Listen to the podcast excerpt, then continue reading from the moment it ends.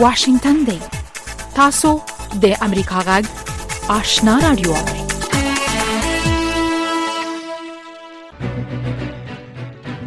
درنو اوریدونکو ستړي مشئ زه نام شابه آشنایم تاسو په روانه خبرونه کې د سیمه او نړۍ په اړه رپورټونه هم اورئ خو لمړی پام وکړئ د سیمه او نړۍ خبرونه ته ویان سید سلیمان شاه د فرانسې د خبري اژانس ایجنسی فرانس پریس د رپورت لمخې طالب چارواکو د لوګر په ولایت کې د محکمې پر حکم په دریو خزو او یو لسو نارینګانو باندې شرعي حدود جاری کړی دي د خبر تفصیل د لوګر ولایت د اطلاعات او کلتور رئیس قاضي رفیع الله صمیم د فرانسې خبري اژانس ته ویلي چې دغه کسان په عام محضر کې په درو نه دی وهل شوی د پروانه میاشت کې په بشپړ ډول د شرعي احکامو د عمل کېدو په اړه قاضیانو ته د طالبانو د مشر مولوي هبت الله اخوندزاده د امر نه وروسته ظاهرا دوم ځل دی چې پر یو شمیر کسانو شرعي حدود جاری کیږي تر دې مخکې تیر اونۍ طالبانو په کابل کې د یوې مطبوعاتي اعلامیې په خبرولو سره ویلي و چې په تخار ولایت کې هم پر څو کسانو شرعي حدود جاری کړی دي نو شاباشنا امریکا غاک آشنا رادیو واشنگټن په عین وخت کې د ایوننګ سټانډرډ ورځپاڼې په کابل کې د طالبانو د حکومت د سترې محکمې د یوې مطبوعاتي بیانیې په حواله خبر ورکړ دوه نور ملزمانو ته هم د لغمان په ولایت کې عین شان سزا ورکړل شوه د افغان مېرمنو او نجونو د حقوقو لپاره د امریکا د بهرنیو چارو د وزارت استازې رینا امیري یو شمېر کسانو ته د شرعي سزاګانو د ورکولو نه وروسته په یوه بیانیه کې چې د ټویټر په پاڼه خپره کړې ویلي دي چې دا د دې خبرې یوه بوږنونکې او خطرناکه علامه ده چې طالبان د نړۍ په مقابل کې اعتنا نه کوي ښیي چې دوی اوس بیرته د پخوانیو وختونو په پالیسیو باندې عمل کوي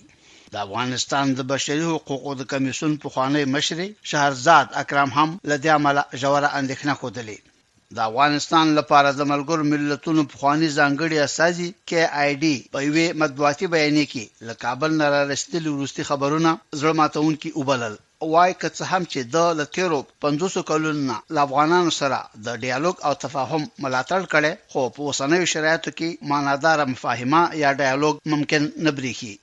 تاسې د افغانستان او نړۍ خبرونه له امریکا غږ واشنګټن نه اورئ. جرمني له افغانستان سره نوي میلیونو یورو نوې مرستې اعلان وکړ. په کابل کې د جرمني د سفارت په یوه مطبوعاتي بیانیه کې ویل شوي دي چې دغه پیسې به خوراک د نړیوال پروګرام او د ملګرو ملتونو د پراختیایي پروګرام یا یوین ډي پي لارې مصرفیږي جرمني وایي چې د روان 2022 میلادي کال په دوران کې له افغانستان سره مجموعاً 311 میلیونه یورو مرسته کړې په داسې حال کې چې د جرمني د برلین په ښار کې د افغانستان په اړه د مدني ټولنې کنفرانس جوړېږي، د اکبر خیریه موسسې نن د پنجشنبې په ورځ په یوه مطبوعاتي بیانیه کې ویلي دي چې په دې کنفرانس کې به یو سل درې اتیا کورنۍ او بهرنۍ خیریه موسسې یا انجیوګانې چې په افغانستان کې فعالیت کوي ګډون وکړي. نن د پنجشنبې په ورځ د لیندۍ په درېیمه په کابل کې د ښځو د حقوقو ملاتړ کوونکو او یو شمېر نجونو د یو لاریون په ترڅ کې چې د شاهد شمشېره له جامع جومات نه پیل شوی و، په افغانستان کې د ښځو د حقوقو په خوندي ساتلو باندې ټینګار وکړ. هغوی د طالبانو د حکومت له خوا د لګول شوو محدودیتونو له امله ژوره اندېښنه وښودله. زموږ غږ د واشنګټن نه اورئ. پر یوکراین باندې د روسي ځواکونو په وروستیو حملو کې د هغه جنګ ځپلي اروپایي هیواد په ځینو برخو کې برېښنا قطع شوې. د روسي توپچي ځواکونو د برېښنا د تولیدولو یوه فابریکه په نښه کړله چې له امله یې په شاوخوا ښارونو کې د اوبو د رسولو او د عامه ترانسپورت سیستمونه له کاره غورځېدلي دي. د اسرایلو د پوځي استخباراتو رئیس اهرون هالیوا د هیرټز ورځپاڼې سره په یوې مرکې کې چې نن د پنجشنبې په ورځ د لیندۍ په درېیمه خپره شوې، خبرداری ورکړی چې ایران په قطر کې د فیفا د دوه زره دوه ویشتم کال د فوټبال د جام په لوبو باندې د سبوتاژ له لارې د حملې کولو په فکر کې دی. د حليوا په باور ايران د سعودي عربستان په خلاف د ځوابي اقداماتو نيت لري، خو نوموړي په دې اړه نور تفصيلات نه دي ورکړي. د چين د چارواکو له خوا د يو لړ سختو احتياطي تدابيرو او محدوديتونو د لګولو باوجود د بېجينګ په شمول دغه هېواد په ګڼ شمېر غټو ښارونو کې د توقع برخلاف د کورونا د کويډ نولس اوبايي ويروس مثبتې پېښې په فوق العاده ډول زیاتې شوې دي. د روغتیا وزارت د چهارشنبې په ورځ یو دېرش زره پنځه سوه او ویشت مثبتې پېښې ثبت کړې. چین چې یو اعشاریه څلور میلیارده نفوس لري، د لګول شوو محدودیتونو له امله اقتصاد ته غټه ضربه رسېدلې.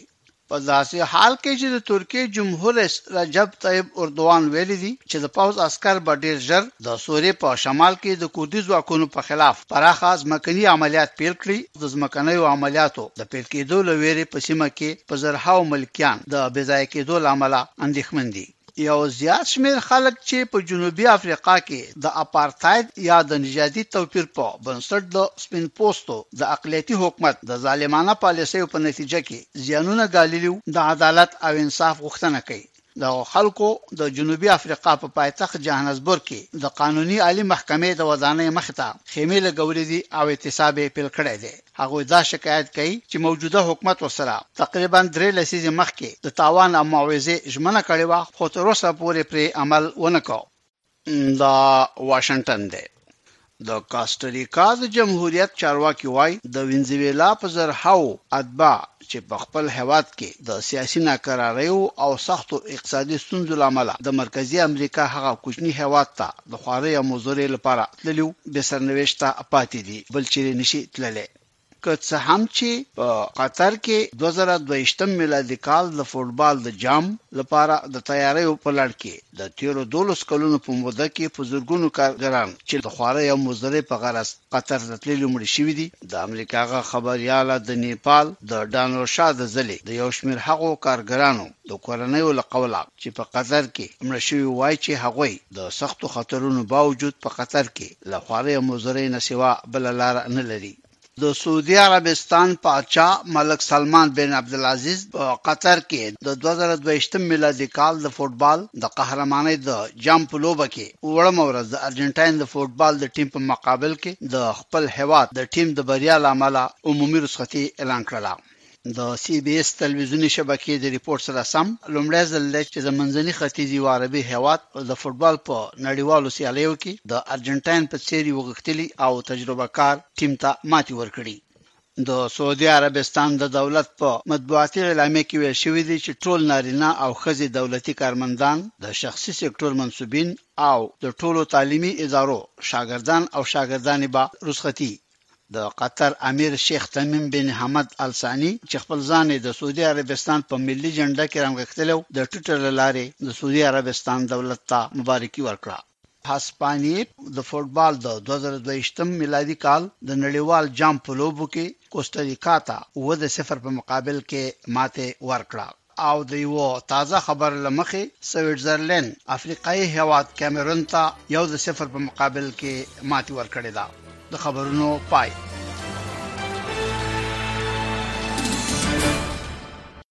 د سیمې او نړۍ خبرونه واوریدل په موقع د سیمې او نړۍ په اړه رپورټونه ده طالبانو د لوګر په ولایت کې د یوې محکمې له حکم وروسته په دریو میرمنو او یو لس نارینه او شرعي حدود جاری کړي او په دروي وهلي دي دغه کسان د غلاو او اخلاقی جرمونو لامل د محکمې لخوا مجرم پیژندل شوی وو خو د بشري حقوقو د یو شمېر ملاتړو او په افغانستان کې د خزو د حقوقو او بشري چارو لپاره د امریکا د بهرنیو چارو وزارت ځانګړي استاذ رینا اميري د شرعي حدودو تطبیق ته غبرګون ښودلی او هغه وحشتناک او خطرناک اقدام بللی. په لوګر ولایت کې پر دریو میرمنو او یوولس نارینه وو طالبانو له خوا د غلاو او اخلاقي جرمونو په تور شرعي حدود پلي شوي دي. د لوګر ولایت د اطلاعاتو او کلتور رئیس قاضي رفیع الله صمیم د فرانسې خبري اژانس ته ویلي چې دا کسان په عام محضر کې په درو نه دي وهل شوي، وايي څوارلس کسانو ته تعزیري مجازات ورکړ شوي چې یوولس نارینه او درې مېرمنې وې، د درو حد اکثر شمېر نهه دېرش وو. زما فکر باندې دا چې حدود جاري شول په دې باندې امنیت هم راځي، شرایط هم برابرېږي،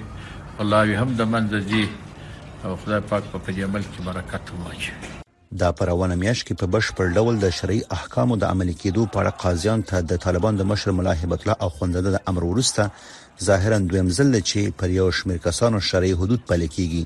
تر دې مخکې په تخار ولایت کې پر یو شمېر کسانو شرعي حدود پلي کړي وو. په افغانستان کې یو شمېر دیني عالمان وايي، د حدودو جاري کولو پر ځای باید ذهنیتونه ښه کړای شي او د اجرا په صورت کې حدود باید په ټولو یو شان جاري شي. یعنې که زما اختیار وي زه درسونه د قران زیاتوم د دې په ځای چې زه یو شرعي حد جاري کړم چې د دې سره خدای مه کړه د امارت هغه مخالفان نور هم زیاتېږي داخل کې هم زیاتېږي او بهر کې هم زیاتېږي خو موږ د امارت مشران ته مشورې نه سو ورکولی هغوی دې ځان نه پوره ګڼي دې چا خبره نه مني او موږ ورته وایو چې خدای پاک خیر کې خدای پاک خیر راولې بله لار دې مونږ نه ده زده چې بیا بې ګناه خلکو پکې وهل نه وي خوړلي بې ګناه خلکو لاسونه پکې پرې نه شي واقعیت ثبوت پرې راغلی او کوم غټسري او هغه خلک چې مثلا قدرت ولري یا لوی دولت ولري هغه یو جرم وکړي چې هغه هم مستثنا نه چې هغه کش شي د عدالت محکمې ته خو باور مې رانغی د افغان ښځو او نجونو د حقوقو لپاره د امریکا ځانګړي استاذ رینا امری د طالبانو له حکومت لخوا د لوګر په ولایت کې پر 14 کسانو باندې د شرعي حدودو تطبیق ته خبرګون خوده او هغه وحشتناک او خطرناک اقدام بلل دي رینا امری د پنځمه پورس د خپل ټوئیټر په پاڼه لیکلي دي دا اقدامات د نړۍ په وړاندې د طالبان د سرکښۍ د زیاتېدو او خپل پخوانیو سیاستونو ته د ورستنېدلو څرګندونه کوي د طالبانو دغه اقدامات ته په نړیواله کچه د بشري حقوقو د ملاتړو ادارو غبرګونونه ښودلي دي. کله چې د طالبانو نوم د یو افغان په مخ کې اخیستل کېږي، فوراً ذهن ته وېره، وهم، وهل، ټکول او توهین مجسم کېږي. هغه خلک چې ټول ولس ورنه ویره او ډار لري څنګه د عدالت او شرعي حدودو تمه ورنه وسي. د طالبانو په تیر نظام په تیر حکومت کې د نظامي محکمې په نوم باندې یو څه شتون درلودو اوس هغه محکمه که چیرته شتون ولري اول باید دوی هغه طالبان په عام محضر کې مجازات کړي چې د الهې په نوم باندې یوې افغانې میرمنې سره جبري زنا تر سره کړې بیا یې وهلې ټکولې بیا یې شخصي زندان کې ساتلې خو هیڅ کومې تحقیقی یا څارنوالۍ ورباندې اصلا کوم عکس العمل نه د ښکاره کړی اصلا یې څه ورباندې ویل نه دي د طالبانو د شرابو څښونکي عاملین د غلاګانو عاملین ارتې تڼۍ ګرځېږي د اروپايي پارلمان مشرې روبرتا متسولا د دوشنبې په ورځ په افغانستان کې د ښځو په وړاندې تاوتریخوالی وغنده او اندېښنه یې څرګنده کړه چې ډېر ژر به په عام محضر کې درانه مجازات له سره پیل شي. د طالبانو له خوا شرعي حدود په داسې وخت کې پلي کېږي چې د پنجشنبې په ورځ د کابل په ښار کې یو شمېر ښځو او نجونو یو ځل بیا د خپلو حقونو د غوښتلو لپاره د لاریون په ترڅ کې د طالبانو له خوا پر ښځو باندې پر لګېدلو محدودیتونو اندېښنه وښوده او د ښځو د حقونو د خوندیتوب غوښتنه یې وکړه. انتظار پای ته ورسید ترنو لیدونکو او اوریدونکو تاسو کولی شئ د امریکا غا ټلویزیونی او رادیوي خبرونه د یاسات ساتلایت له طریقو وګورئ او واورئ د نوي ساتلایت لارې تاسو د آشنا اتصال او کاروان ټلویزیونی خبرونه کتلای هم شئ د امریکا غږ د افغانستان څنګه خبرونه په 398 چنل او د آشنا رادیوي خبرونه په 380 چینل کې اوریدلای شئ لملتيامو د تل پشان مننه تاسو زموږ غږ د واشنگټن د سټډیو نه اورئ د روغتیا په سکتور کې د افغانستان سره همکار نړیوال ادارې وایي چې د ژمي د موسم د رارسیدو په درشل کې په دغه هیواد کې خپل فعالیتونه زیات کړي دي دغه ادارو د نړیوالو روغتیايي ادارو غوښتي چې افغانستان ته د ستنې شي او په دغه هیواد کې د خپل فعالیتونه له سره پیل کړي په دې اړه نور تفصیل د اکرام شینواری پر رپورت کې اوري په داسې حال کې چې د افغانستان د روغتیا په سکتور کې همکارو نړیوالو ادارو په هغو نړیوالو موسسو او هیوادو چې د مخې دغه هیواد سره د روغتیا په سکتور کې همکاري لرله افغانان ته د روغتي خدمتونو د برابرولو لپاره بیرته د مرستو د پیلولو غږ کړي د طالبانو د حکومت د عامې روغتیا وزارت ویلي چې په لرو پرتو سیمو کې خلکو ته د روغتي خدمتونو د برابرولو لپاره د ازبک پاکستان څخه د یو سل اتیا امبولانسونو د اخیستو یو تړون لاسلیک کړی چې تر اوسه یو سل پنځه امبولانسونه کابل ته رسېدلي دي د طالبانو د حکومت د عامې روغتیا وزارت ویاند شرافت زمان عامر وایي چې د دغو امبولانسونو څخه به په لرې پرتو سیمو کې خلکو ته د روغتیايي خدمتونو د وړاندې کولو په برخه کې کار واخیستل شي د امبولانسونو په واسطه من کولای شو چې زمونږ روغتي خدمت هلته سیمه کې خلکو ته چټک سی ولته په وخت باندې رسیدګي ورته وشي ان شاء الله د ټول هواد او د هوادوالو لپاره دا یو موثر ګام ده د دې په واسطه من کولای شو چې د خلکو لپاره کوم ستونزې چې په روغتي برخه کې دي هم روغتي مراکز ته رسولو په برخه کې دي انشاالله دغه ستونزې به ټولې پکې حل شي. د مهاجرت نړیوالې ادارې، آی او ایم، د افغانستان جغرافیوي وضعیت ته په کتنې ویلي چې د دغه هېواد په لرو پرتو سیمو کې ډېر شمېر اوسېدونکي د ناروغیو څخه د ژغورلو لپاره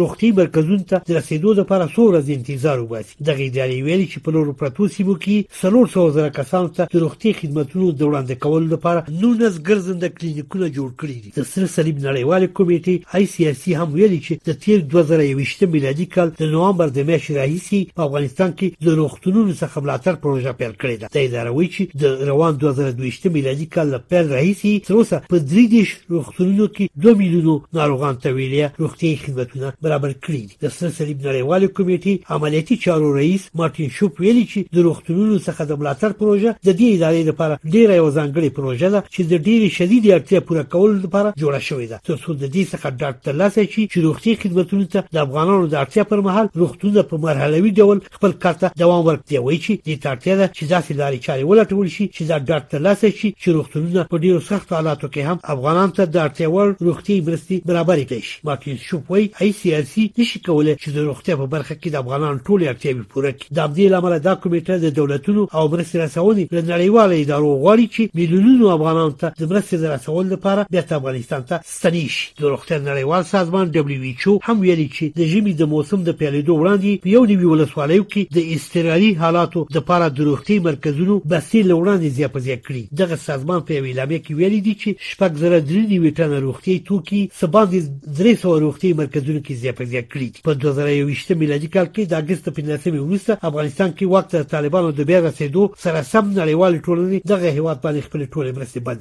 چې له امله یو زیات شمېر روغتیايي مرکزونه هم بند شو خو د تېر میلادي کال د نوامبر د میاشتې وروسته د ملګرو ملتونو ځینو ادارو او ځینو نړیوالو موسسو بېرته د روغتیايي سکتور سره خپلې مرستې پیل کړې چې ورسره اکثره روغتیايي مرکزونه بېرته پرانیست شو د طالبانو د حکومت دامې روغتیا وزارت اداري معید محمد اسحاق صاحبزاده د چهارشنبې په ورځ کابل کې یوې غونډې ته په وینا کې پر پخواني رژیم باندې تور ولګو چې د میلیاردونو ډالرو مرستو سره سره د روغتیا په سکتور کې هیڅ نه دي کړي او دا هیواد نړیوالو مرستو ته په اړ یو هیواد بدل کړی دی اسلامي امارت هغه څوک دی چې پر خپل ملت باندې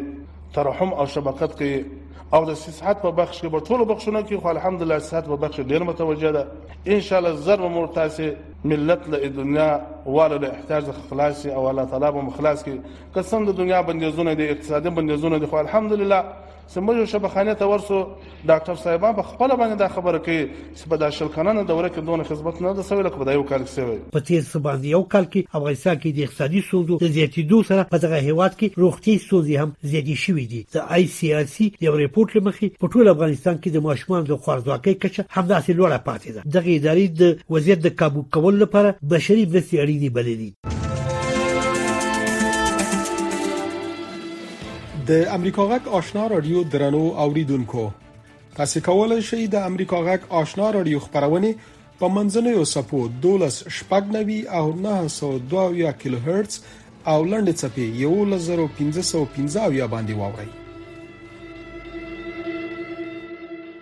رپورټونو ته د واشنگټن د سټډیو نه ادامه ورکوم یو شمیر اوکراینیان چې مخکې د کورونو د جوړولو کاروبار کاوه پر اوکراین باندې د روسي پوځي يرغل مجبور کړی دي چې د نه ختمېدونکو حملو او دوامدار تباهۍ له امله له نوښتونو نه په استفادې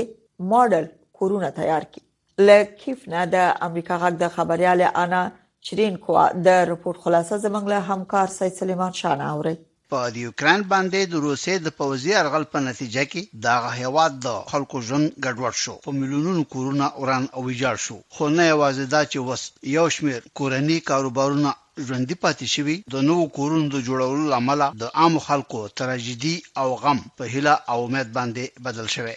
په داسې حال کې چې روسي ځواکونه په پرله پسې توګه د یوکراین په مختلفو سیمو کې خپلو تباه کوونکو حملو ته دوام ورکوي او د پای ته رسېدو هېڅ نښې او اثار یې په سترګو نه لیدل کېږي، د نېدا شیواسیکا په نوم یوه یوکراینۍ تاجره چې له جنګ نه مخکې د کورونو د ډیزاینولو او ارکیټیکچر کاروبار درلوده، وايي چې اوس یې د نوو شرایطو لاندې خپل کاروبار عیار کړی دی. کله چې روسي ځواکونو پر یوکراین باندې د روان میلادي کال د فرورۍ په څلېرشتمه یرغل وکړ، نوموړي وايي، کورونو د ماډل کولو او نوو کنسټرکشنونو کاروبار په ټپه ودرېد.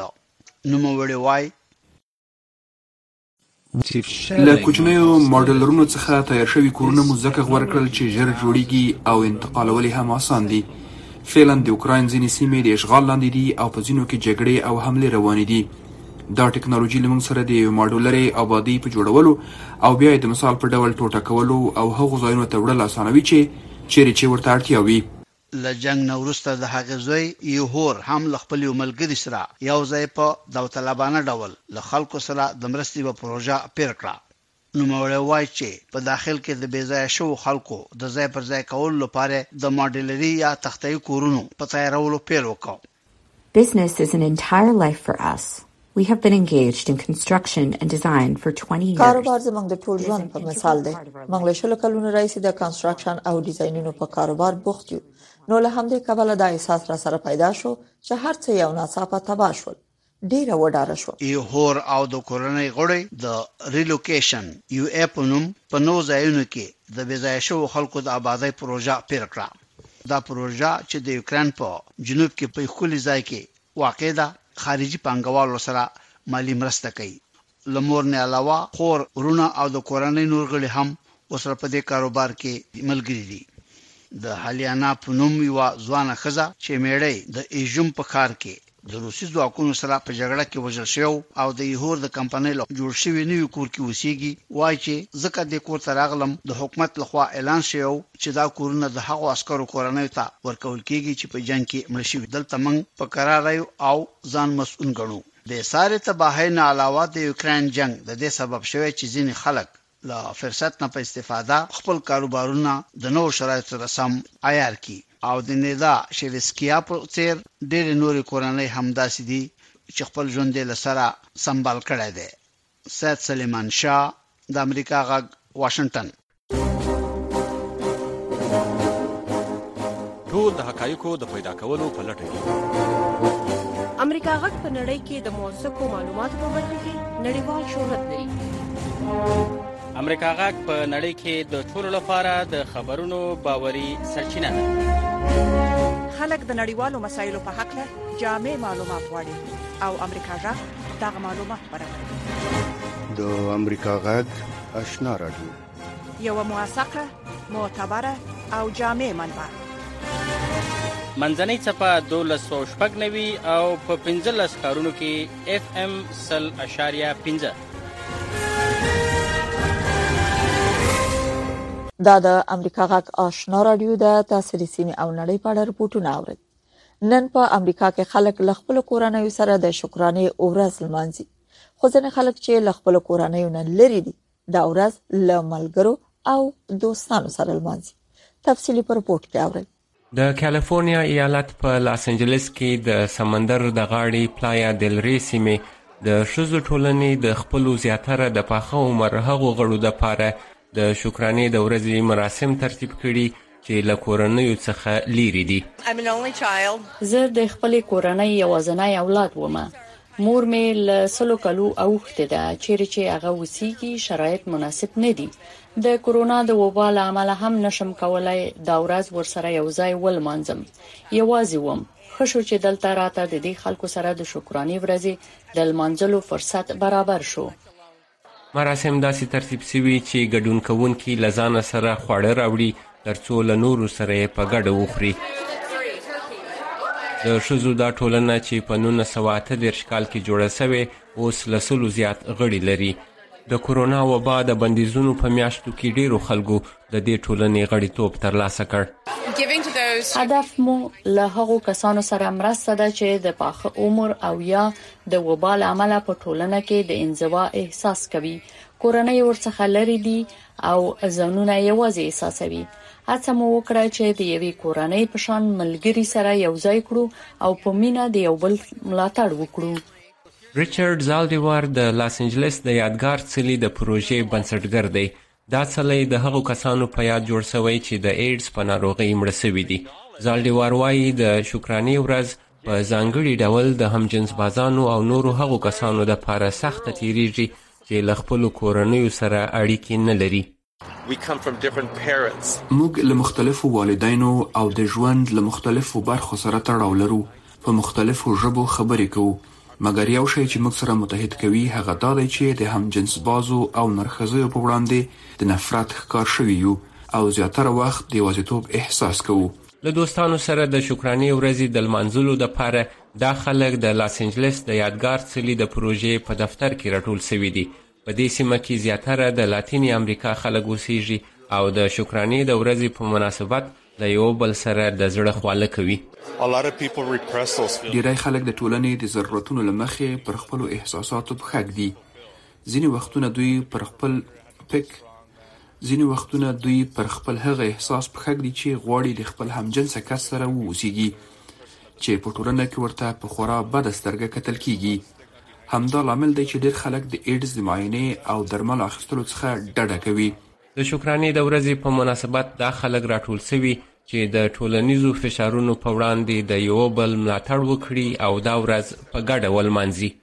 کابل دی که زابل تخار دی که هرات په ټول افغانستان کې د امریکا غږ آشنا رادیو منځنۍ چپه 1290 اف ام 0.15 د روان خبرونه په ورستي رپورت کې اورو د افغانستان په ختیځو څلورو ولایتونو کې د پولیو ځانګړی کمپاین پیل شوې ده په دې کمپاین کې به یو لس لک ماشومان واکسین شي او هغه سیمو ته به ځانګړي پاملرنه وشي چې له چاپیریال اخستل شوی تستونه مثبت وو ابو بکر علیزی په دې اړه رپورټ را لېږلی په ختیځو ولایتونو ننګرهار، لغمان، کونړ او نورستان ولایتونو کې د ګوزڼ ضد واکسینو ځانګړی کمپاین پیل شو. په دې کمپاین کې به یو اعشاریه یو میلیون ماشومان واکسین شي. د عامې روغتیا وزارت ویاند ډاکټر شرافت زمان د کمپاین د پیل پر مهال امریکا غږ سره په خبرو کې وویل، په ننګرهار او کونړ کې د چاپیریال څخه د ګوزڼ له مثبتو ټیسټونو وروسته مو کلک تدابیر نیولي دي.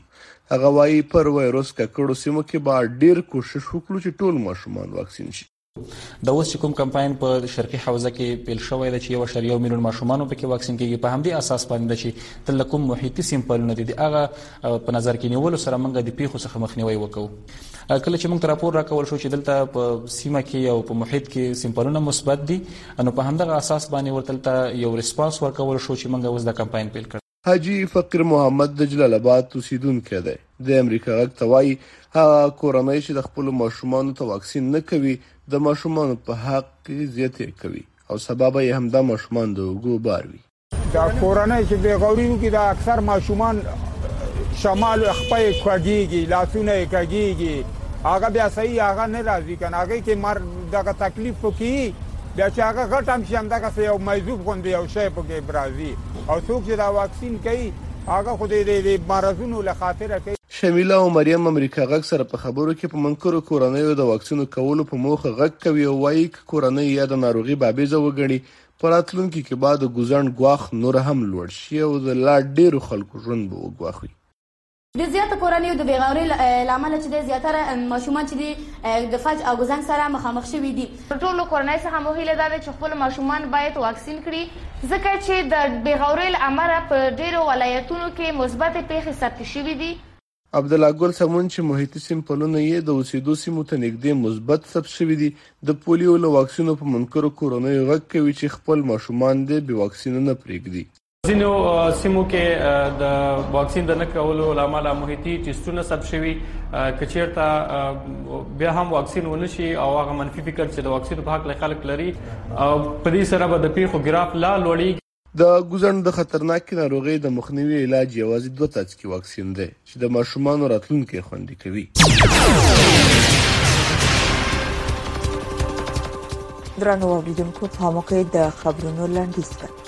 طالب چارواکو د لوګر په ولایت کې د محکمې پر حکم په دریو خزو او یو لسو نارینګانو باندې شرعي حدود جاری کړی دي جرمني له افغانستان سره 90 میلیونو یورو نوې مرسته اعلان وکړ د جرمني د برلین په ښار کې د افغانستان په اړه د مدني ټولنې کانفرنس جوړیږي د اسرایل د پوځي استخباراتو رئیس احرن حالیوا د هریټس ورځپاڼې سره په یوې مرکه کې چې نن د پنځشنبه په ورځ د لیندۍ په درې مخ پر شوې خبرداري ورکړه چې ایران په قطر کې د فیفا د 2022م کال د فوټبال د جام په لوبو باندې د سبوتاج لاره د حمله کولو په فکر کې دی د چین د چارواکو لخوا د یو لړ سختو احتیاطي تدابیرو او محدودیتونو د لګولو باوجود د بیجینګ په شمول دغه هیواد په ګڼ شمیر غټو ښارونو کې د توقع برخلاف د کورونا د کووډ 19 اوبایي ویروس مثبتې پیښې په فوق العاده ډول زیاتې شوې دي